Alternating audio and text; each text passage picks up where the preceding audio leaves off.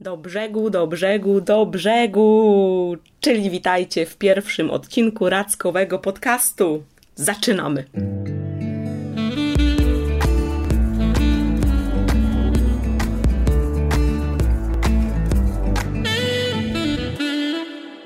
Tak, dziś jest ten dzień. Dziś zapraszam Was na pierwszy odcinek nowej rzeczy u mnie na kanale Uracki, bo z nowym rokiem, jak widzicie i słyszycie przede wszystkim, postanowiłam ruszyć z podcastem.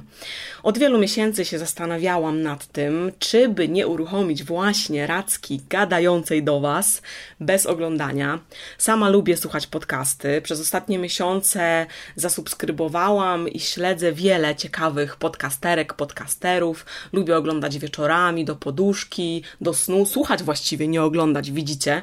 Ja jestem przyzwyczajona do oglądania, ale mm, teraz postanowiłam w nowym roku zrobić coś nowego i ruszyć z Rackowym podcastem na dobre. I plan jest taki, że co miesiąc będzie ukazywać się jeden odcinek. I chciałabym, żeby ten podcast był czymś innym niż kanał na YouTubie, czymś innym niż Instagram, Insta Stories. Chciałabym tutaj poruszać troszkę tematy z zakulis, mówić o czymś, o czym nie mówię w filmach. E, może będzie mniej mody, mm, kultury, za to może więcej rackowego życia, e, troszkę backstage'u stworzenia racki, z biznesu, z doświadczeń, motywacji, będą złote myśli. No po prostu będzie coś innego niż e, tylko moda, kultura, sztuka będzie coś innego niż na YouTubie, także mam nadzieję, że nie będziecie się tutaj ze mną nudzić. Będzie też, mam nadzieję, dużo gadania. Postaram się, żeby te odcinki trwały mniej więcej godzinę. Jak wyjdzie, zobaczymy. A odcinkom będą towarzyszyć przepiękne ilustracje z motywem każdego odcinka. Ilustracje mojej kochanej Eleny Ciupriny. Dzisiaj, jak widzicie, jestem to ja robiąca sobie selfie, bo dziś odcinek będzie właśnie o tym. O mnie robiącej sobie selfie. Ale widzicie w tytule o czym będzie. I od razu powiem, że towarzyszy mi teraz lekki stres, bo to mój pierwszy podcastowy raz i nie wiem jak wyjdzie. Nie wiem, czy w ogóle mówienie tylko do mikrofonu mi wyjdzie, bo tak mi trochę dziwnie mówię i nie wiem, gdzie mam się patrzeć, bo nie muszę się nigdzie patrzeć. Właściwie patrzę sobie w scenariusz, w konspekt e, tego odcinka, który przygotowałam, a nie do Was, nie do kamery. Tak się trochę dziwnie czuję. Więc proszę, bądźcie dla mnie wyrozumiałe, dla mojego głosu, dla ewentualnych trzasków, świstów, jakichś wiecie, y, o, u, chill, proszę, bo to pierwszy odcinek, będą pierwsze odcinki, pierwsze koty za płoty. Tak. I właśnie a propos zaczynania i początków, dzisiejszy odcinek będzie właśnie o tym, jak zacząć o początkach i ogólnie o pracy influencera. Oczywiście na moim przykładzie będę o tym mówić, powiem Wam, jak ja pracuję, jak wygląda taka praca, czyli jak wygląda praca twórcy internetowego, vlogerki, instagramerki, blogerki, influencerki, zwanej wpływaczką. Lubię to słowo, gdzieś kiedyś się przeczytałam. E, słowa influencer nie lubię, niestety, przez naszą branżę, ponieważ jest ono nacechowane dość mocno negatywnie, ale powiedzmy, że pracy wpływaczki, tak, o pracy wpływaczki dziś porozmawiamy.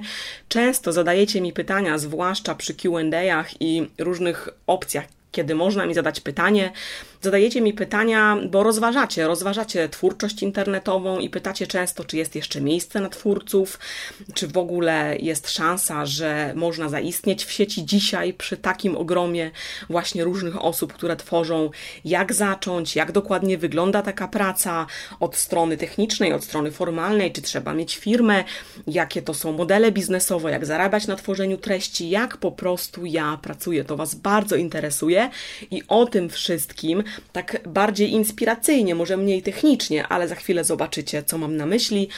Z mojej perspektywy dzisiaj opowiem. Mam pięć dużych obszarów do poruszenia, a już mówię tutaj pięć minut. Chciałabym się wyrobić w godzinie. Także praca influencera. Zapraszam Was do wysłuchania. Chciałam powiedzieć do oglądania, ale do wysłuchania. I chciałabym zacząć od tego, że jeżeli zastanawiacie się nad tym, czy by nie zacząć bloga, vloga, Instagrama, y, tworzyć w sieci, to niezależnie od tego, o czym byście chciały mówić, pokazywać, y, co filmować, tworzyć, albo chcielibyście właściwie, nie wiem, czy mam do Was mówić w liczbie mnogiej, czy do Ciebie pojedynczo, y, ale okej, okay, gdzieś tam myślę, to wyjdzie samo, ale niezależnie od tego, co byście chcieli w tej sieci robić, to ja uważam, że absolutnie każdy ma szansę. Nawet dzisiaj, nawet jeżeli nam się wydaje, że tych twórców blogów, vlogów, Instagramów jest po prostu milion pięćset, sto dziewięćset, uważam, że każdy ma szansę i co ciekawe, całkiem równe na starcie. To jest w ogóle też interesujące, bo mm, w kontekście zdobywania zaangażowanej widowni każdy z Was, e, niezależnie od e, budżetu, niezależnie od tego, co chcecie pokazywać, ma równe szanse, bo nikt nie wchodzi do sieci. Oczywiście mówię tutaj o osobach nie takich, które są wcześniej znane, tylko o osobach, które zaczynają z poziomu osoby nieznanej, e, bez żadnej publiczności. Każdy ma równe szanse na to, żeby zdobyć zaangażowaną e, publiczność, żeby wokół siebie e, osoby, które będą Was chciały słuchać, oglądać, patrzeć, na to, co tworzycie, mm, zgromadzić po prostu. No i właśnie, tutaj a propos tych szans i rozwoju są dwie ważne sprawy. Po pierwsze, z mojego doświadczenia wynika, że ilu ludzi, tylu jest odbiorców. I mm, pamiętajcie, że mimo dużej liczby tutaj w świecie beauty, fashion, lifestyle, no bo tym ja się głównie zajmuję i te dziewczyny, i te branże ja obserwuję, sama też śledzę z przyjemnością, mimo tego, że bardzo dużo jest różnych blogerek, vlogerek, osób właśnie w naszej branży, to cały czas można zrobić coś inaczej, przemycić jakiś swój koncept, swój pomysł. I mimo tego, że może się wydawać, że jest tyle dziewczyn, już nie mamy absolutnie żadnych szans, to cały czas są osoby, które zaczynają robić coś inaczej i gromadzą wokół siebie yy, publiczność po prostu prostu e, cieszą się ludzkim zainteresowaniem. A druga sprawa a propos tego, że każdy ma szansę, jest taka, że do tworzenia w sieci jest relatywnie niski próg wejścia, bo nie potrzebujecie inwestycji, nie wiadomo jakiego sprzętu, e, kilkunastu, kilkudziesięciu tysięcy inwestycji, żeby zacząć coś robić, zacząć produkcję. Wiecie, mm, nie potrzebujecie brać kredytów, nie potrzebujecie nie wiadomo jakich biznesplanów. Tak naprawdę potrzebujecie tylko jakiegoś podstawowego sprzętu. I jeżeli chodzi o pieniądze, o inwestycje, to jest, jak powiedziałam, relatywnie niski próg wejścia do um, takiego internetowego działania. A to, co potrzebujecie, to potrzebujecie różnych rzeczy, o których będę mówić za chwilę, będę te punkty rozwijać, ale potrzebujecie pasji swojej, którą chcecie przekazać dalej, potrzebujecie chęci i zapału do pracy um, i przede wszystkim potrzebujecie dużo pracy, dużo pracować, dużo działać działać. I co jest fantastyczne dla mnie akurat, to to, że przy tworzeniu w sieci, przy dzieleniu się z ludźmi, e, sobą, swoimi przemyśleniami, no tym, co chcecie pokazać i tworzyć, bardzo dużo zależy od Was. Przy takiej działalności bardzo dużo zależy od Ciebie, bo właściwie Ty jesteś sobie sterem i okrętem. I ma to plusy, ale ma to też minusy. Minusy są takie, że nie ma szefa nad wami. To znaczy, dla kogoś może być to plus, dla mnie na przykład jest to plus ogromny.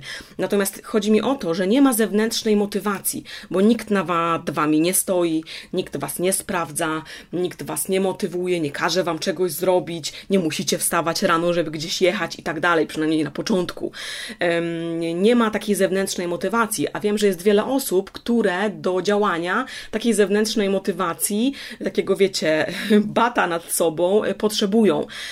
Natomiast e, ogrom plusów dla mnie przewyższa te minusy i takim głównym plusem działalności tworzenia czegokolwiek, myślę, że nie tylko w sieci, ale no ja tutaj będę mówić o sieci, to jest ta sprawczość. Sprawczość, czyli ja coś chcę zrobić, ja coś robię, mam efekt i ta sprawczość, ten efekt motywuje mnie do dalszego działania. I dla mnie ta sprawczość, że ja coś robię, mm, co później daje pozytywny albo negatywny efekt, no to już bywa różnie, mm, jest najważniejsza, bo to motywuje mnie do, do działania. Jak mi wychodzi, to jest to motywacja pozytywna, żeby dalej działać, a jak mi nie wychodzi, to jeżeli mam swój cel i chcę go osiągnąć, to jest to motywacja dalsza, żeby zmienić środki i działać po prostu inaczej.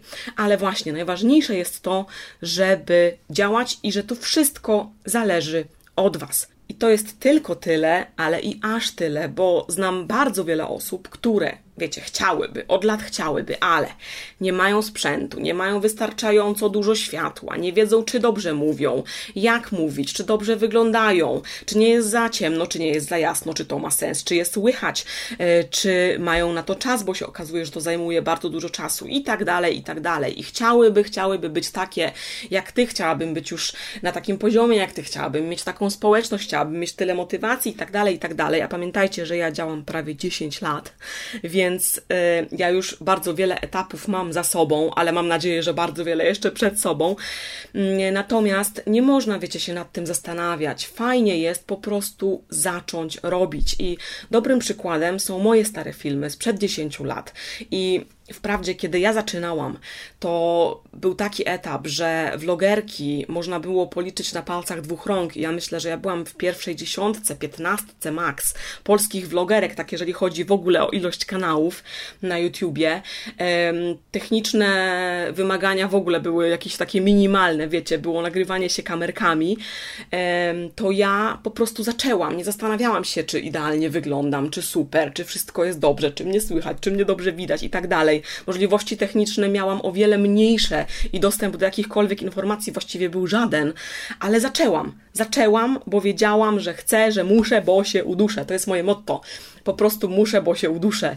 I tak bardzo chciałam mówić, pokazywać cokolwiek o modzie. Nie wiedziałam jeszcze dokładnie, co to będzie, bez planu, ale wiedziałam, że muszę zacząć. I pamiętam mój pierwszy film, który nagrałam w przerwie na uniwersytecie. Wzięłam sobie taki mały pierdzi aparacik, wzięłam koleżankę na przerwę, mówię Monika, sfilmuj mnie tutaj, ja chcę nagrać outfit of the day, to co mam dzisiaj na sobie. Nieważne, że było to we Wrocławiu, przy ruchliwej ulicy, z jeżdżącym tramwajem. Mało mnie było słychać, średnio mnie było widać i jeszcze nagrałyśmy mnie w pionie, bo mi się wydawało, że po prostu jak nagramy mnie w pionie, to będę szczuplejsza, ale jakoś poszło, jakoś zaczęłyśmy i poszło. Także tutaj Was będę namawiać, że jeżeli chcecie zacząć, to nie czekajcie na odpowiedni moment, bo pracy przed Wami jest bardzo dużo i sporo czasu upłynie, zanim coś z tego, tak wiecie, pracowo, biznesowo wyjdzie, tylko po prostu zacznijcie dziś, jutro, tu i teraz. I pewnie wiele z Was, wielu z Was zadaje sobie pytanie, co sprawi, że zaistnieje? Co sprawi, że może będę mógł, będę mogła swoją pasję przerodzić w biznes. I ja mam tutaj cztery takie kryteria, które według mnie są kluczowe i na których sobie, że tak powiem, zęby zjadłam. Mamy tutaj osobowość, pasję, treści i regularność, bo Najważniejszą rzeczą, żebyście przyciągali ludzi, żeby ktoś was chciał oglądać, słuchać, czytać, to jest to, że musicie być jacyś, po prostu. Musicie mieć osobowość. Bardzo często mówi się, że różne osoby albo się kocha, albo się nienawidzi. I to są na ogół osoby, które wzbudzają emocje. I bardzo często te osoby właśnie mają potencjał do tego, żeby porywać y, tłumy. Y, fajnie, żeby ta osobowość była taka, która przyciąga, czyli na przykład pozytywna. Ja się staram być bardzo pozytywna, ale może być też negatywna, może być też taka, wiecie, walcząca, stanowcza, wesoła, śmieszna, profesjonalna, albo ciekawa, albo w ogóle jakaś taka, wiecie, intrygująca, albo nawet wkurzająca, ale coś w Was po prostu musi być, żeby ludzie, żeby odbiorcy chcieli do Was z jakichś powodów e, przyjść. Powiem Wam taką ciekawą historię. Mi kiedyś astrolog powiedział, bo miałam robiony taki horoskop urodzeniowy u jednego z najbardziej znanych polskich astrologów. Ja to opowiadam jako anegdotkę, ale coś w tym jest. Powiedział mi, że patrząc na mój horoskop, widząc moje cechy, widzi, że mogłabym być ogólnie przywódcą, mogłabym być prezydentem. Takie cechy mam, że przyciągam ludzi, że ludzie lubią mnie słuchać i on to widzi. On w ogóle nie wiedział, czym ja się zajmuję, totalnie, bo to było jeszcze, kiedy albo Racki nie było, albo to był gdzieś tam bardzo, bardzo początek. I ja sobie pomyślałam, kurczę, to fajnie, to może faktycznie y, będę miała wokół siebie grono osób, którym to, co będę pokazywać, będzie się podobać.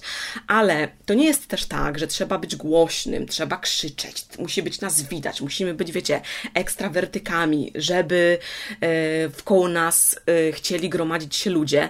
Są też przykłady osób, które są bardziej introwertyczne, które są takimi troszkę szarymi myszkami, ale nie mówię tego negatywnie. Natomiast są na przykład spokojne, nie krzyczą, tylko mówią. I takim świetnym przykładem jest szafa sztywniary, która wyszła od bloga, która teraz ma świetnie prosperujący, myślę, Instagram, której treści też się bardzo mocno w przeciągu lat zmieniały i ona jest teraz bardzo taka zrównoważona, eko, zero waste i tak dalej, ale robi to, mówi o tym wszystkim w bardzo taki przemyślany, fajny, zrównoważony sposób. E, I szafa sztywniary, czyli e, dawna rywka, mm, e, to jest świetny przykład, że nie trzeba krzyczeć, żeby być usłyszanym. Także jeżeli jesteście bardziej ciche, bardziej zamknięte w sobie, a macie coś ciekawego do przekazania, to również możecie być typem takim osobowości właśnie intrygującym, takim, który zaciekawi e, ludzi, a niekoniecznie, wiecie, takim super pozytywnym, wesołym, śmiesznym i w ogóle takim, wiecie, krzyczącym. Mm, e, tak, a poza osobowością, bardzo ważne i przede wszystkim najważniejsze chciałabym powiedzieć, chociaż tutaj każda cecha jest ważna, równoważne są te sprawy, to jest oczywiście pasja. Pasja do czegoś, która pozwoli Wam tworzyć super treści, bo zakładam, że jeżeli chcecie tworzyć coś, pokazywać, lepić, malować, nagrywać o czymś, to czymś się pasjonujecie. Czy jest to kultura, sztuka, czy jest to lepienie garnków, czy jest to na przykład. Yy, tworzenie browarów gdzieś tam, czy gotowanie, y, czy cokolwiek, po prostu, jeżeli macie do czegoś pasję, macie na ten temat wiedzę, interesujecie się, coś was kręci i chcecie o tym opowiadać dalej, to to jest najważniejsza rzecz, bo ta pasja pozwoli tworzyć wam super treści. I mówiłam już wcześniej o tym, że mm, ja zaczęłam nagrywać, ponieważ ja czułam, że ja po prostu muszę, że muszę, bo się uduszę. Czułam, że mam wiele fajnych treści do przekazania a propos mody, kultury, sztuki. Czułam, że mam takie zainteresowania, E, którymi mogę się podzielić i którymi mogę Was e, zainteresować. Ale przede wszystkim mm, to, że zaczęłam tworzyć i to, że tworzę, wynika ze mnie, z pasji, z tego, że ja się tą modą interesuję, kulturą, też architekturą, bo oczywiście moje treści też ewoluują w czasie. Natomiast chodzi mi o to, że ja czuję, że ja po prostu mam w sobie tyle fajnych informacji, które mogę podać dalej i mogę Was zainteresować, że ja po prostu muszę. No muszę, bo się uduszę.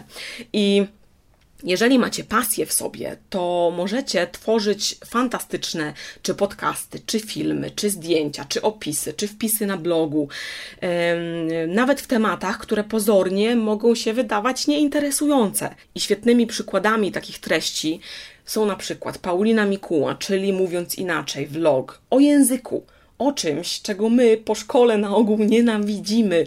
O zagadnieniach językowych Paulina opowiada w taki sposób, że po prostu chce się ją jeść garściami, łyżkami. Fantastycznie mówi o czymś, co z pozoru jest mm, nielubiane e, i tworzy ogromną, gromadzi ogromną wokół siebie publiczność.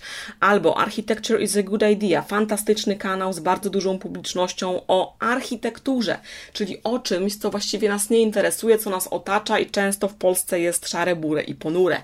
A słuchając Radka i Natalii wiemy już, że otóż nie.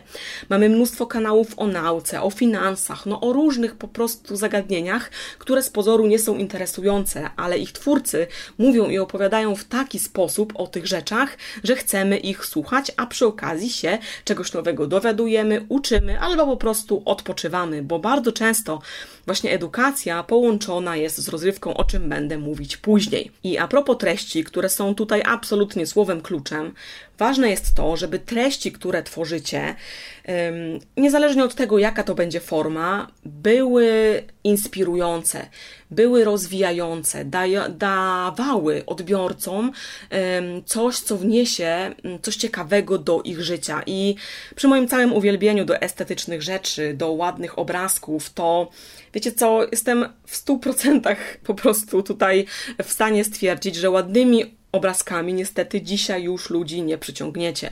Ładne obrazki, ładne zdjęcia. To jest takie najprostsze, najprostsza forma wyrażania siebie w internecie, e, a tych ładnych obrazków jest w tej chwili taka ilość i wydaje mi się, że odbiorcy są już tak nimi zmęczeni, że okej, okay, możecie tworzyć piękne zdjęcia, ale warto jest, żeby poza takimi estetycznymi tylko inspiracjami dać odbiorcom coś więcej, tworzyć treści, które są inspirujące, które są rozwijające, które są pomocne w ich życiu, które są ciekawe, które wniosą coś, które pomogą rozwiązać jakiś problem albo e, nawet pomogą się ubrać z mojej perspektywy. Mm, a ubranie, o czym wielokrotnie już mówiłam, jest bardzo ważnym elementem naszej osobowości, e, naszego codziennego życia. Ubranie sprawia, że my czujemy się pewne, pewni siebie, więc ono jest istotne i pomoc tutaj może realnie zmienić czyjeś życie na lepsze. I a propos treści, możecie sobie pomyśleć, no dobrze, ale co mogę, co mogę zaproponować, co będzie ciekawsze, inne niż zwykle? To z mojej branży przykładem będzie torebka. Mam torebkę i chciałabym pokazać ją publiczności. I co ja mogę z tą torebką zrobić? No więc, mogę zrobić tej torebce zdjęcie, powiedzmy na stoliku, wrzucić na Insta, wrzucić na bloga, spoko będzie w trendach ładna torebka, będzie ładne zdjęcie, ale mogę zrobić jej zdjęcie na swojej stylówce. Tu już widać coś więcej, bo już widać do czego taka torebka może pasować. Mogę zrobić foto tej jednej torebki na kilku zdjęciach w kilku stylówkach. To już jest więcej inspiracji, więcej dziewczyny mogą dla siebie z takich zdjęć wyciągnąć, wynieść. Albo opcja zaawansowana. Mogę pokazać tę samą torebkę w outfitach na różne okazje. Tutaj już mamy bardzo dużo konkretnych inspiracji, e, które dziewczyny będą mogły wykorzystać później w swoim e, życiu, a takie ubrania na konkretne okazje to jest jedna z najbardziej takich wyczekiwanych e, rzeczy, które dziewczyny interesuje. Dalej, możecie zrobić foto tej torebki na przykład w różnych wariantach, z paskiem, bez paska, torebka plus apaszka, torebka plus łańcuch.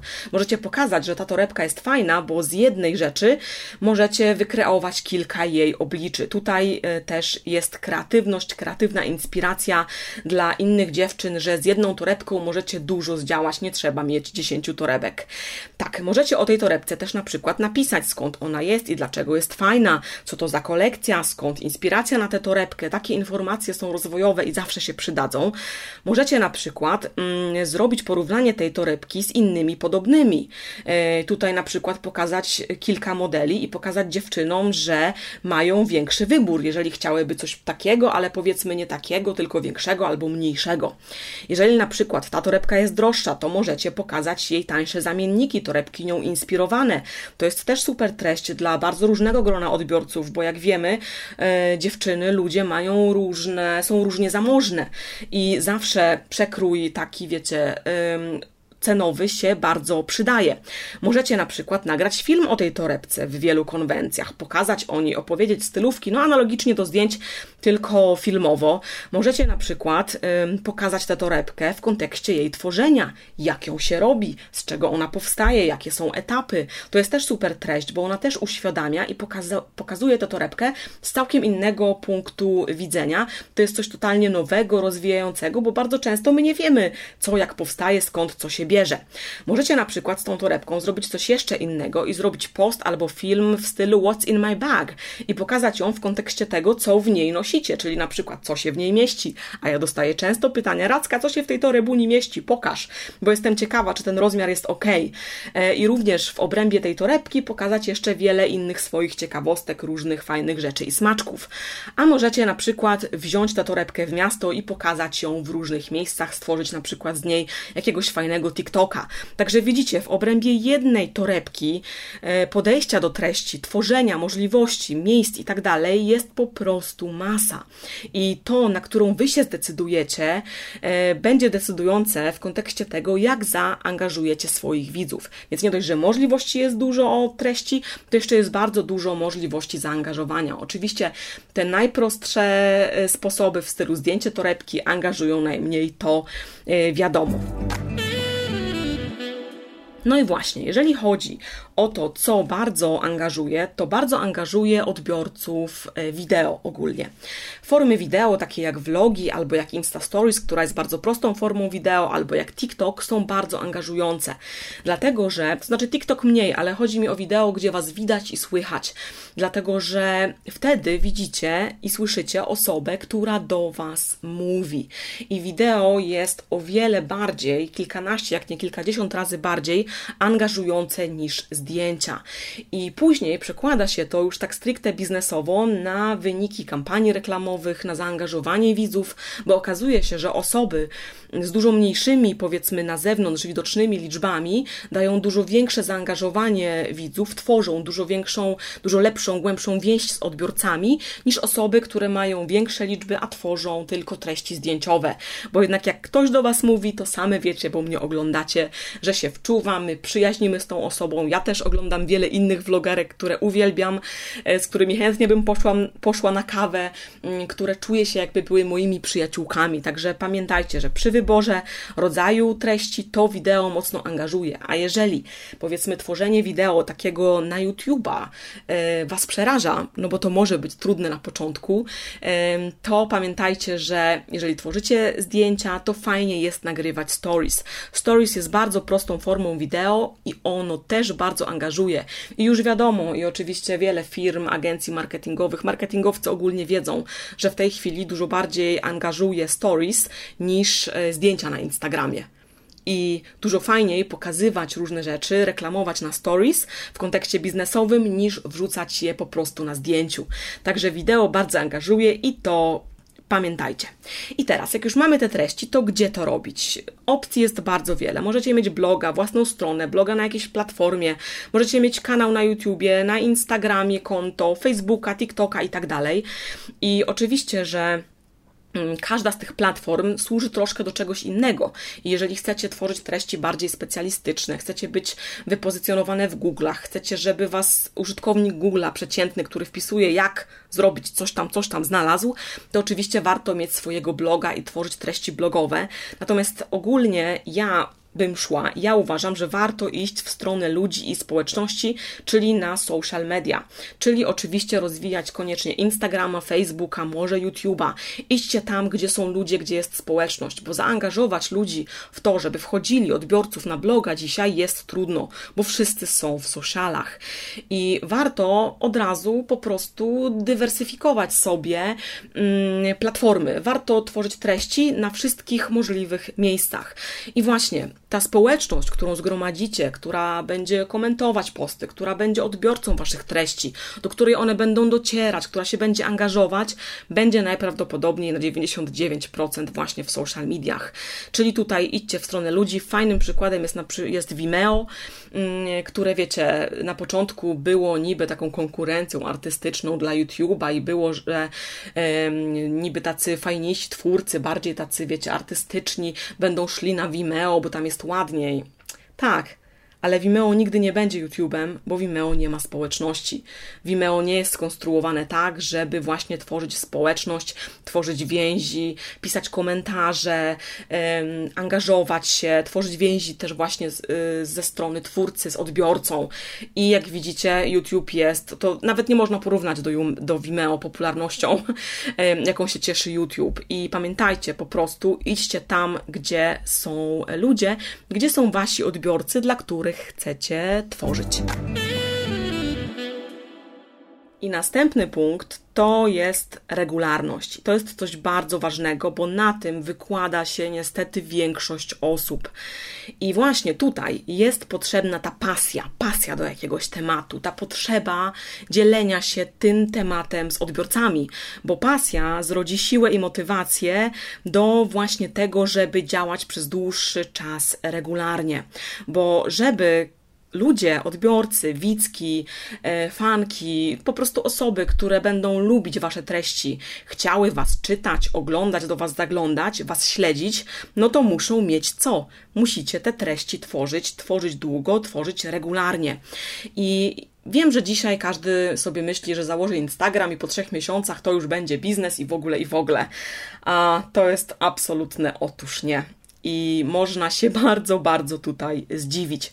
Powiem Wam, że ja mm, pierwszy mój film, za który otrzymałam wynagrodzenie, czyli pierwsza moja współpraca, pojawiła się po około półtora roku działań i po nagraniu, uwaga, 180 filmów. I to nie foteczek na Insta, bo Insta wtedy nie było, tylko po 180 filmach i była to, pamiętam, IKEA. Bardzo miło to wspominam. Pierwsza duża kampania, taka, która była rozłożona na kilka miesięcy, to co miesiąc był film, to była kamera Sony pokazywanie, co ona może nagrywać, jak nagrywać i tak dalej. E, pierwsza większa kampania pojawiła się u mnie po około 250 filmach, a Racka stała się moją pracą, vlogiem na pełen etat po około dwóch latach działań, po około 220 filmach. Wyobraźcie to sobie, 220 filmów. Więc tutaj trzeba nastawić się na to, że te treści muszą się ukazywać regularnie, musi być ich po prostu sporo. A jeżeli chodzi o Instagram, co ciekawe, też zajrzałam w archiwum, to pierwszy mm, post, taki, za który otrzymałam pieniądze, który był stricte na Insta, y, jeżeli chodzi o współpracę, to, to był rok 2016, czyli po około czterech latach prowadzenia Instagrama, czterech latach wrzucania zdjęć na Insta, po prostu totalnie, wiecie, bezpłatnie tworzenia, totalnie, e, no po prostu tworzenia, totalnie e, za free. I mm, e, mówię o tym dlatego, że Naprawdę, to jest jedna z najważniejszych rzeczy, a ta pasja w tworzeniu pozwoli Wam tworzyć cały czas bez, wiecie, wymiernych wyników finansowych. I ja też powiem od razu, że kiedy ja zaczynałam Rackę, przez pierwszy czas ja w ogóle nie myślałam o tym, że to może być moja firma, że to może być mój biznes, że to może być moja marka osobista, którą będę miała bardzo długo. Ja założyłam vloga z pasji. Jak ktoś tak mówi, że założył coś z pasji, nie myślał w ogóle o pieniądzach, to ja zawsze mam mam takie z tyłu głowy, aha, aha, dobra, teraz już jest gdzieś tam daleko, to się wymądrza i tak dalej. Ale tak naprawdę było. Dzisiaj, widząc, że można zarabiać na tworzeniu treści w internecie, można być swoją marką osobistą, można mieć z tego niezły biznes, że tak powiem, myślę, że nie jest niczym złym zakładanie od razu, od początku, że mam coś ciekawego do pokazania, chcę tworzyć super treści, chcę, żeby to była moja firma za jakiś czas. Nie ma nic złego w takim planie. To to jest, wiecie, mądre podejście i takie realistyczne, no bo widać dzisiaj, że można. Kiedy ja zaczynałam, totalnie się o tym nie myślało. Więc ja nie widzę nic złego w tym podejściu, tylko podchodźcie do tematu po prostu racjonalnie i wiedzcie, że trzeba dać sobie czas i tworzyć mądrze. Warto jest mieć mądre podejście, czyli mieć temat, być spójnym, mieć jakiś kierunek, wiecie, mieć wizję tego, co chcecie robić i uważać na reklamowanie czegokolwiek, bo kto wie, może jakieś współprace pojawią się wcześniej. Natomiast odbiorcy są dzisiaj bardzo wyczuleni na reklamowanie czegokolwiek, jakkolwiek i tak dalej. W ogóle o samych reklamach, jak tworzyć kampanie, jak tworzyć reklamy, jak działać biznesowo, żeby tworzyć fajne treści, tak zwany content marketing. Za chwilę jeszcze troszkę o tym opowiem, ale ogólnie na ten temat mogłabym nagrać osobny, godzinny podcast. Natomiast fajną rzecz powiedziała mi ostatnio koleżanka, która mówi tak: Radzka, słuchaj, ja mam wrażenie, że każdy ode mnie dzisiaj chce pieniądze. Z każdej strony po prostu. E, tu muszę płacić wszystkie opłaty, czynsze, jakieś abonamenty za jedno, za drugie, za trzecie, wiecie.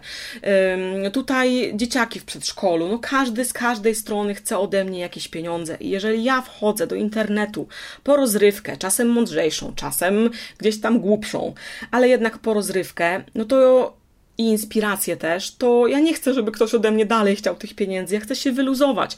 A często mam wrażenie, że w internecie również zewsząd każdy chce po prostu pieniądze. Także pamiętajcie, bądźcie czujne na to, żeby reklamować, jak już będziecie reklamować, rzeczy z głową, ale przede wszystkim dać sobie w tworzeniu i w budowaniu społeczności e, czas czas, który jest potrzebny na to, żeby wokół Was zgromadzili się wierni odbiorcy, wicki. Ja tu nazywam zawsze moje dziewczyny pieszczotliwie wickami. I oczywiście można zdobyć popularność taką overnight, jak to się mówi, czyli z dnia na dzień, z tygodnia na tydzień, z miesiąca na miesiąc, zgromadzić wokół siebie społeczność, ale na ogół taka popularność dzieje się przez skandale, kontrowersje i ogólne głupoty. Dlatego, że budowanie mądrymi treściami treściami, budowanie treściami niekontrowersyjnymi, bez skandalu, bez, wiecie, obrażania się, bez wyciągania jakichś brudów, bez pokazywania patologii, jakichś kontrowersji, jest żmudne, bo odbiorcy przychodzą, ale przychodzą e, powoli. I Przykładem takich e, popularności overnight, ale powiedzmy nie związanych ze skandalami, są gwiazdy różnych reality show, no mniej lub bardziej powiedzmy mądrych. To już nie mi oceniać, każdy lubi różną rozrywkę, ale bardzo często ta popularność tych, e, tych gwiazd jest bardzo krótka. Na przykład pojawiają się takie osoby w różnych edycjach programu, e, zyskują bardzo dużą, duże grono obserwujących, a po roku, po dwóch, po trzech nikt o nich nie pamięta. Dlatego, że one sobie tej popularności nie wypracowały same treściami, tylko została ona im dana przez właśnie emisję programu, przez występowanie w programie. I bardzo mało osób jest w stanie później tworzyć treści i kontynuować zainteresowanie swoją osobą rzeczami, które tworzy w taki sposób, że my o niej pamiętamy. No przypomnijcie sobie, jakich pamiętacie tutaj finalistów różnych programów, kto cały czas tworzy, jest aktywny. Tych osób będzie bardzo mało. A z kolei budowanie swojej popularności na kontrowersjach, na skandalach, też nie jest dobre, bo jeżeli zbudujecie społeczność, która pragnie takich, wiecie, kontrowersyjnych, mocnych emocji, to jeżeli zaczniecie tworzyć łagodniejsze treści, delikatniejsze, to ta społeczność będzie się nudzić i od Was odejdzie, bo ludzie są z Wami po prostu dla właśnie tych kontrowersji, dla emocji. I też pytanie, czy chcecie, żeby ludzie Was szanowali za to, co tworzycie, za to, co wnosicie do ich życia, czy chcecie na przykład, żeby się Was bali, bo takie przykłady, myślę, w sieci też są, które mają spo, sporą społeczność, ale tak naprawdę ludzie się ich e, boją i ten szacunek jest ze strachu. I tak samo jest z pokazywaniem ciała pokażecie ciało, więcej ciała, biustu, pupy i tak dalej, to o ile to nie będzie wasza taka, wiecie, stała estetyka, e, no to później odbiorcy będą się pytać, ej, a gdzie są te cycki? gdzie jest to, po co tu przyszedłem, bo na ogół to są też męscy odbiorcy.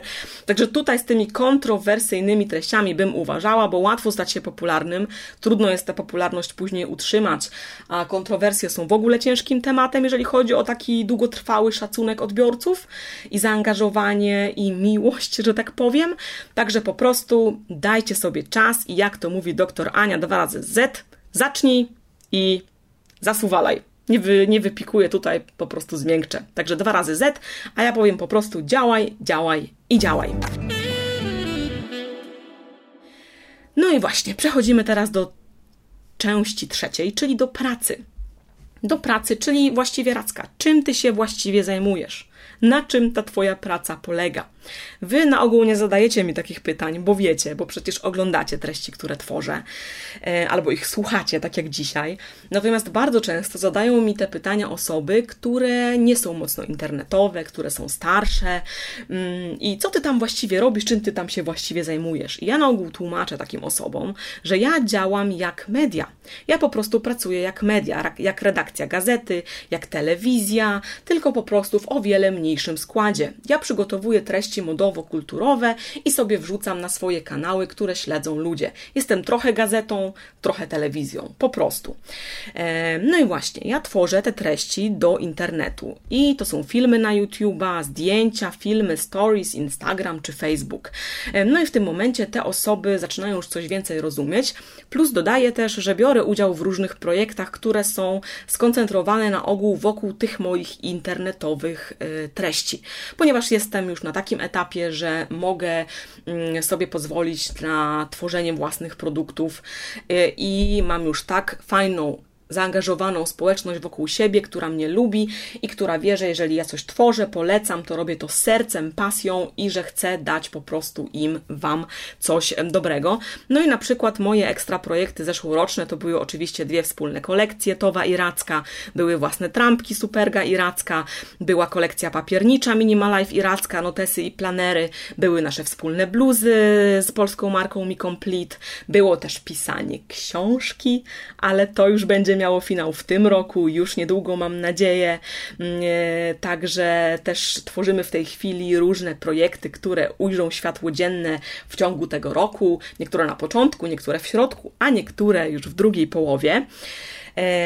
Plus jeszcze jestem ambasadorką różnych marek, takich jak L'Oréal Paris czy na przykład Intimissimi, przy czym to wszystko i to bycie ambasadorką i te wspólne projekty wymaga ode mnie cały czas tworzenia treści, czyli tworzenia filmów, zdjęć, czyli to nie jest tak, że ja gdzieś tam daję tylko siebie komuś, ale właśnie cały czas wokół tego wszystkiego tworzę treści, którymi chcę Was zainteresować. I bardzo często pytacie, i różne osoby pytają, ile taka praca zajmuje czasu, jak to wygląda, jak sobie organizujesz czas, e, ile wygląda nagranie filmu, stworzenie zdjęcia i tak dalej, albo może czasami są takie troszkę mniej wybredne komentarze w stylu Racka, jeden film na dwa tygodnie, co to ma być, co ty robisz całymi drzwiami.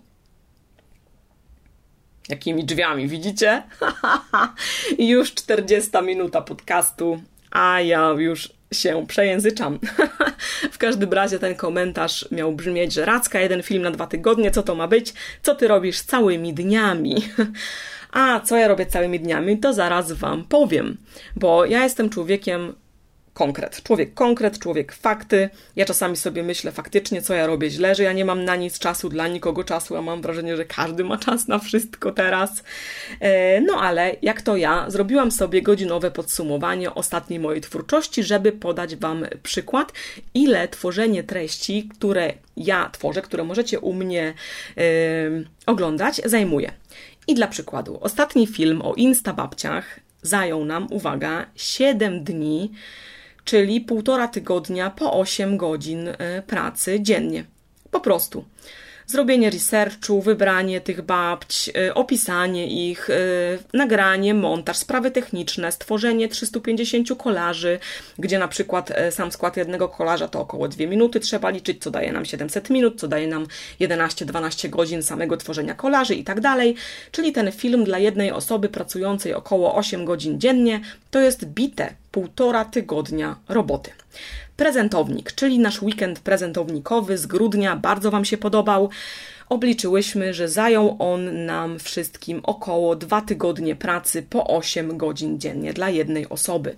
Wiecie, to nie jest 5 minut, to nie jest godzinka nagranie to jest realny czas, y, który trzeba poświęcić, żeby stworzyć takie treści.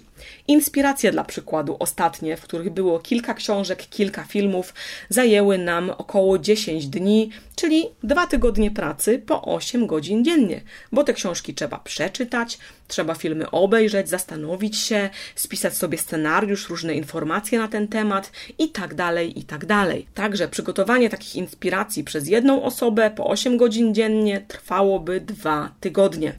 A przypominam, że ja to robię od 10 lat i my robimy to bardzo sprawnie, bo po pierwsze, ja lubię współpracować z osobami, które działają sprawnie, szybko, wiecie, krótko, zwięźlej na temat, a po drugie, ja sama już mam tyle doświadczenia, że robię to wszystko bardzo sprawnie. Na początku musicie ten czas wydłużyć przynajmniej razy dwa. A jeżeli chodzi o Instagram, to bardzo angażujące jest Insta Stories. Myślę, że też y, niewiele osób z Was zdaje sobie sprawę, ile to zajmuje czasu. Mm, bardzo dużo czasu zajmują napisy, dlatego że ja wiem, że warto, natomiast no, pisanie, drugi raz tworzenie tego, co się już raz powiedziało, to po prostu zajmuje czas, zwłaszcza, że to pisanie, kiedy się słyszy, co się mówi, to to nie jest takie zwykłe pisanie, tylko się trzeba 10 razy bardziej zastanowić po prostu. Mm, e, natomiast ja wiem, że te napisy są ważne i też bym Was namawiała do tworzenia napisów, dlatego że ja sama po sobie wiem, że ja mało kogo już słucham i oglądam z dźwiękiem. Ja na ogół, ponieważ dużo szybciej czytam niż kogoś słucham, to już tylko i wyłącznie czytam napisy, co jest napisane. No chyba, że kogoś bardzo chcę posłuchać, kogoś bardzo lubię, lubię czyjąś energię, no to wtedy słucham, ale na ogół czytam. A na przykład takie niewinne Insta Stories Q&A, gdzie odpowiadam na około powiedzmy 60 pytań, wiecie ile zajmuje? Strzelajcie. Ile zajmuje takie QA, jak ostatnio zrobiłam, kiedy prosiłam Was, żebyście pisały, że myślicie, jaka jestem. Jest ono przypięte notabene na Instagramie u góry.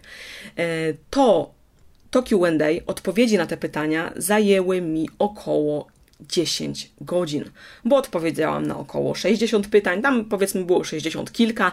Na każde pytanie trzeba poświęcić 10 minut, bo trzeba znaleźć zdjęcie, odpisać jakoś sensem. No wiadomo, na jedną odpowiedź poświęcam 15 minut, na drugą 5, no ale gdzieś tam średnio 10 minut i Nie chcę wyjść inaczej, wychodzi, że działałam nad tym w niedzielę 10 godzin. Także pamiętajcie, że treści po prostu zajmują czas. I jeszcze jest jedna ważna sprawa. A propos tworzenia, to pamiętajcie, że produkując swoje treści, trzeba myśleć o prawach autorskich.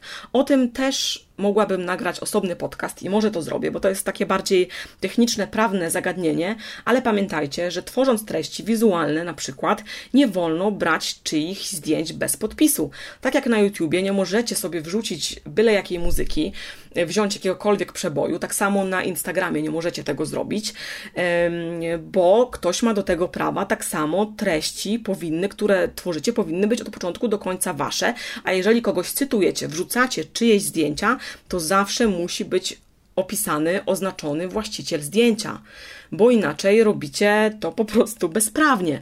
Także pamiętajcie, to jest temat technikalia na osobny odcinek, ale warto o tych prawach autorskich też pomyśleć.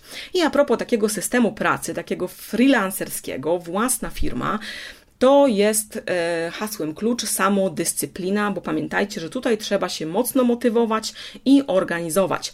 Plusem takiego działania jest to, że jestem sama sobie szefem, a ja już wiele lat temu odkryłam, że ja nie lubię mieć szefa nad sobą i że ja muszę być sama sobie szefem, bo ja siebie i wszystkich innych dyscyplinuję najlepiej. Taka jestem z charakteru, ale też minusem własnej firmy i tego, że sama szefuję sobie, jest to, że każda porażka jest też moim problemem, że wszystko jest na mojej głowie, że stoję codziennie przed różnymi decyzjami i to jest moja odpowiedzialność, podejmowanie ich, mm, e, działalność jest moją odpowiedzialnością, wszystko, co robię, jest moją sprawą, moim problemem, to znaczy problemem nie negatywnie, tylko po prostu jest moją odpowiedzialnością i ja piję piwo, które sobie każdego dnia sama ważę. I na przykład możecie powiedzieć, Masz super, nieregularny czas pracy, możesz sobie zrobić przerwę, wyjechać na jakieś egzotyczne wyspy. Mogę zrobić sobie przerwę, ale wtedy nie będę miała za co zapłacić pracownikom. Mogę zrobić sobie przerwę, ale ja cały czas płacę podatki, płacę ZUSy.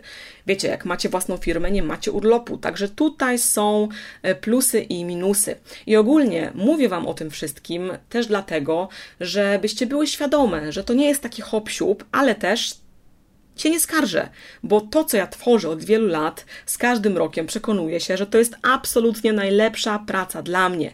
Jest wymagająca, zajmuje dużo czasu i przestrzeni, ale ja kocham to, co robię. Natomiast warto mieć świadomość tego, że na pewno bycie influencerem, influencerką to nie jest selfiaczek na Insta. Widzę, że dużymi krokami zbliżamy się do godziny, a tu jeszcze przed nami zarabianie. I ostatni punkt, pieszczotliwie nazwany przeze mnie twardą dupką. Ale zacznijmy od zarabiania. Modeli biznesowych, żeby zarabiać na swojej twórczości w sieci, jest bardzo dużo i cały czas ich przybywa. I zanim do nich przejdziemy, to najpierw najważniejsza sprawa Pamiętajcie, że żeby zarabiać na treściach, które tworzycie, trzeba mieć społeczność, trzeba mieć zasięgi, ale nie zasięgi w kontekście liczb, to znaczy nie tylko, ale trzeba przede wszystkim docierać do prawdziwych ludzi, docierać do nich ze swoimi angażującymi treściami. To jest bardzo ważne. To muszą być prawdziwe liczby i prawdziwi ludzie. Ja nie lubię mówić o swojej społeczności w kontekście liczb, że to są liczby, zasięgi, statystyki. Nie, bo to jesteście wy. To jesteście wy, każda ze swoją historią, wy dziewczyny, też czasami chłopaki, ale osoby z krwi i kości, które po prostu mnie lubią i spędzają ze mną swój wolny czas. No i właśnie, modele biznesowe są przeróżne. Po pierwsze, najbardziej popularnym oczywiście to są współprace z markami, czyli tworzę treści we współpracy z daną marką, czyli tworzę tak zwany content marketing. To jest o tyle super w przypadku twórców internetowych, że na ogół tacy twórcy, którzy są dobrzy, że tak powiem, i dobrze robią to, co robią, tworzą zawsze angażujące treści przy okazji pokazywania różnych produktów. I co ważne, polecają produkty, to znaczy ja polecam polecam produkty, może tak, nie mówię tu za wszystkich, ale ja polecam zawsze produkty, które są sprawdzone, które wiem, że są jakościowe, których sama najczęściej używam, w których sama chodzę, które z mojego doświadczenia wiem, że wprowadzą do waszego życia coś fajnego, coś nowego i które wam się przydadzą. I to jest bardzo ważne. U mnie jest e, takie kryterium, że to musi być coś, co ja znam e, i lubię. Innej opcji nie ma, no ale właśnie na ogół tworzy się treści, które promują dane rzeczy. To nie jest taka reklama jak w telewizji, e, czy po prostu czyja, czyjeś zdjęcie, kampania reklamowa, taki czysty przekaz reklamowy. Nie, u twórców na ogół dostajecie treści i to jest bardzo fajne, bo to jest też część mm, kreatywnej pracy, kreatywnego e, tworzenia. Albo może być taka współpraca, inny model, że po prostu ktoś daje swoją przestrzeń danej marce na pokazanie produktów, na wywiad na przykład z jakimś specjalistą e, i tak dalej. E, może być też taki model jak tworzenie swoich współproduktów z daną marką. Ja z niego chętnie korzystam i zdradzę Wam taki sekret, że po czym poznać, że dany influencer, influencerka, bloger, twórca i tak dalej e, jest bardzo dobrym twórcą, jeżeli chodzi o biznes, czyli ma zaangażowaną bardzo społeczność, która mu ufa i która kupuje rzeczy z polecenia, to poznacie to właśnie po tym, czy ta osoba ma swoje produkty albo współprodukty. Bo jeżeli ma współprodukty albo ma jakieś kolekcje dla, dla danej marki, albo tworzy swoje produkty, to znaczy, że realnie po prostu e, widzowie, odbiorcy kupują e, i realnie, że tak powiem brzydko, ta osoba e, sprzedaje. Tak, także tworzenie współproduktów jest modelem, tworzenie własnych produktów yy, też jest modelem. Mogą to być produkty takie typowo fanowskie, typu na przykład koszulki, kubki, albo mogą to być produkty treściowo-branżowe, czyli na przykład w moim przypadku ubrania, akcesoria, biżuteria i tak dalej. Także tutaj jest wiele modeli.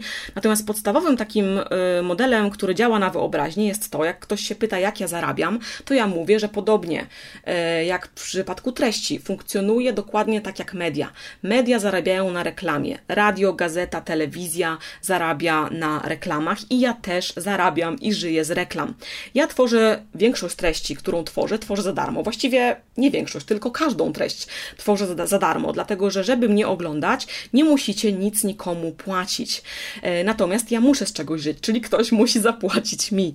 I mi płacą marki, które ze mną współpracuje. Wy dostajecie treść za darmo, mi ktoś płaci. No to jest taka bardzo prosta biznesowa forma, biznesowy model, już tak wiecie, łopatologicznie ym, opisany, ale jest jeszcze jeden model biznesowy, który nie opiera się na współpracach z markami, tylko który na przykład opiera się na wsparciu ze strony widzów czy odbiorców, e, na przykład platforma Patronite albo różne inne formy wspierania.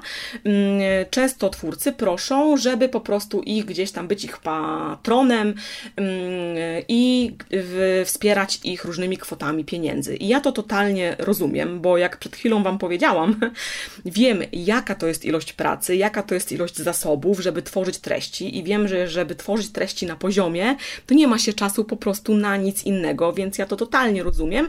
I może ktoś wybrać taki system, mm, model biznesowy, że nie chce, powiedzmy, emitować u siebie reklam, nie chce tworzyć treści we współpracach, woli wsparcie widzów, a widzowie, jeżeli go lubią, oglądają i cenią, to myślę, że będą chętnie wspierać. Również jedną z form takich współpracy jest barter i też często myślę się twórcy spotykają z zarzutami, że a, wy dostajecie wszystko za darmo, za darmo, a wiecie jak ja to mówię, za darmo, to wiecie co można? Za darmo to można pysk dostać. O!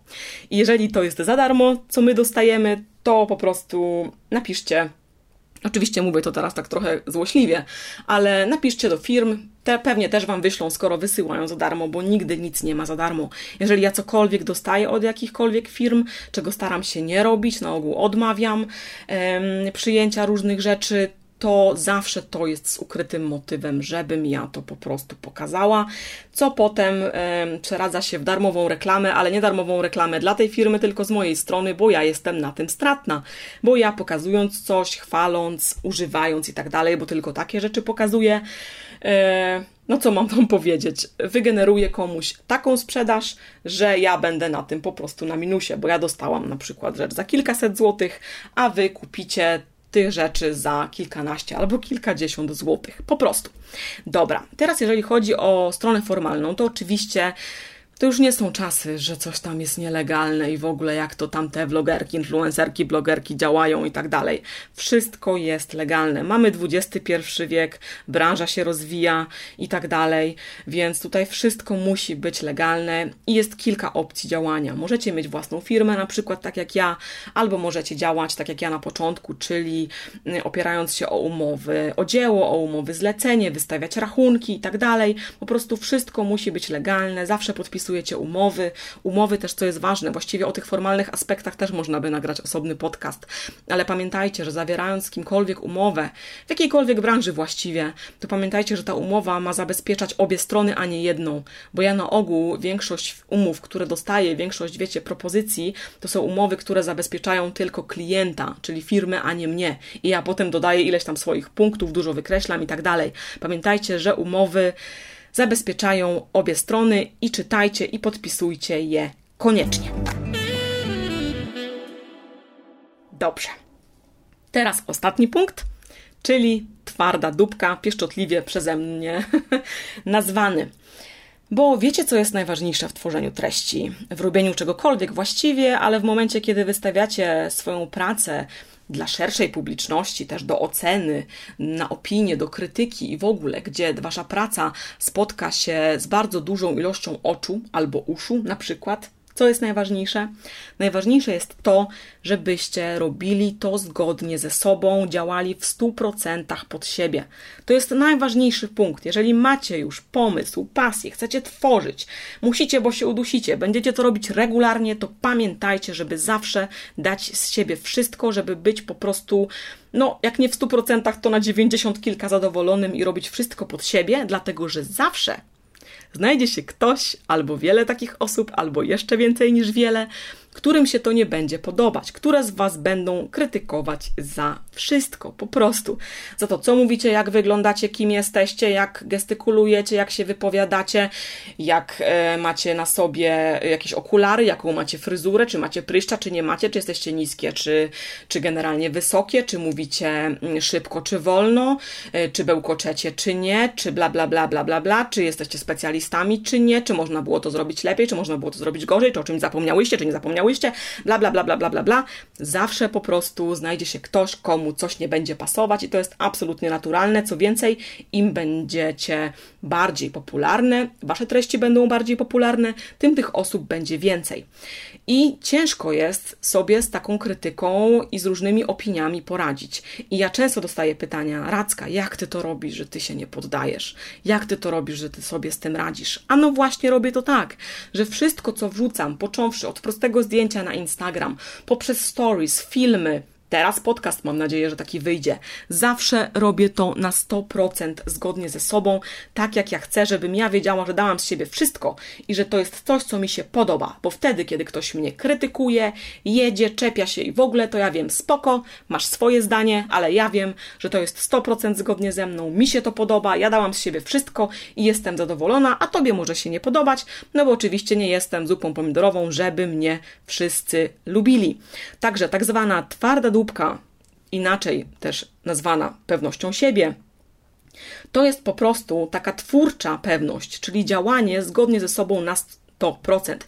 Niesłuchanie innych, robienie tysiąca zdjęć, jak będzie trzeba, niesłuchanie, że się jest, wiecie, za bardzo wymagającym, albo że coś komuś nie pasuje, albo że my się już śpieszymy i tak dalej. Niechodzenie, wiecie, na kompromisy, robienie po prostu tego zgodnie ze sobą, bo pamiętajcie, że to wy będziecie czytać te wszystkie kąśliwe, negatywne, krytyczne komentarze i to wy w środku musicie być przekonane, że to, co robicie jest fajne i to, co robicie ma sens.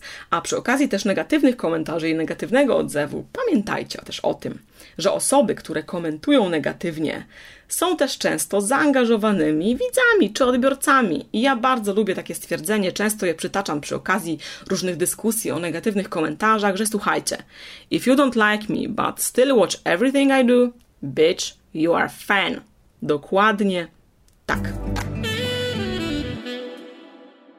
I również warto być świadomym tego, że tyle ile jest ludzi, tyle jest historii, doświadczeń, gustów, opinii i komentarzy. I dziś ktoś Was lubi, jutro skrytykuje, pojutrze wróci, a za tydzień Was odfollowuje. Takie już jest życie, po prostu. A ja też myślę, że działając zgodnie ze sobą, zgodnie ze swoimi wartościami, światopoglądem, wizją naszej pasji, przyciągniemy do siebie osoby, które podzielają nasze zainteresowania i wizje.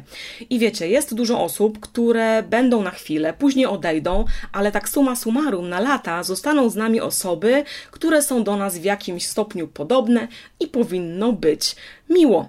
I ja zawsze mówię, że po prostu mam najlepsze widzki na świecie i tak się śmieję i uśmiecham mówiąc to, bo myślę, że każdy twórca może powiedzieć tak o swojej społeczności. Natomiast tak już na poważnie, to ja z różnych stron, od różnych firm, agencji, osób, które mnie obserwują, często słyszę, że widać, że mam fajną społeczność, dorosłe dziewczyny, fajne komentarze, zaangażowane, super widzki i to się nie bierze, słuchajcie, z powietrza, z kontrowersji, z krzyków, wiecie, z występowania w telewizji, tylko to się bierze z pracy i zdawania ludziom, odbiorcom treści przydatnych, inspirujących, takich po prostu zmieniających ich życie na lepsze. I już na zakończenie chciałabym Wam powiedzieć, że zawsze mam to z tyłu głowy, że ja cały czas pracuję i robię, że tak powiem kolokwialnie, w rozrywce. To, co ja tworzę, to jest rozrywka taka trochę ugryziona w popularno-naukowy sposób. I zawsze sobie e, powtarzam, że ludzie mają różne potrzeby dotyczące rozrywki, różne zainteresowania, wiecie, różne sposoby na relaks przy rozrywce. Niektórych relaksuje stand-up, niektórych jakieś takie, wiecie, prankowe, dziwne treści. Dla mnie dziwne oczywiście, dla kogoś mogą być fajne. Ktoś sobie obejrzy makijaż, ktoś sobie obejrzy kotki czy pieski, ktoś coś śmiesznego, ktoś z kolei obejrzy jakiś film historyczny, ktoś film o architekturze. Ja na przykład bardzo lubię rozrywkę naukową. Na ogół to, co Wam polecam dalej, to są treści popularno-naukowe, bo ja się lubię, mimo tego, że jest to dla mnie relaks, to dowiadywać nowych rzeczy, mnie to po prostu relaksuje. Także pamiętajcie, że e, tylu jest twórców, ilu jest odbiorców i na odwrót. Każdy twórca znajdzie swojego odbiorcę i każdy odbiorca znajdzie swojego ukochanego twórcę. I z tą myślą chciałabym Was tutaj pod koniec pierwszego odcinka zostawić. Mam nadzieję, że dobrze się Wam mnie słuchało. Prawie się zmieściłam w godzinę. Jestem z siebie dumna. I tutaj słyszę, że piesek sąsiadki zaczyna szczekać, także już czas kończyć. Mam nadzieję, że pierwszy odcinek Radzkowego podcastu Wam się podobał. Trzymajcie się ciepło, piszcie w komentarzach oczywiście tutaj na YouTubie, co myślicie. Trzymajcie się ciepło i chciałam powiedzieć do zobaczenia w następnym filmie, ale tak, do zobaczenia w następnym filmie i do usłyszenia w następnym odcinku Radzkowego podcastu. Pa, pa!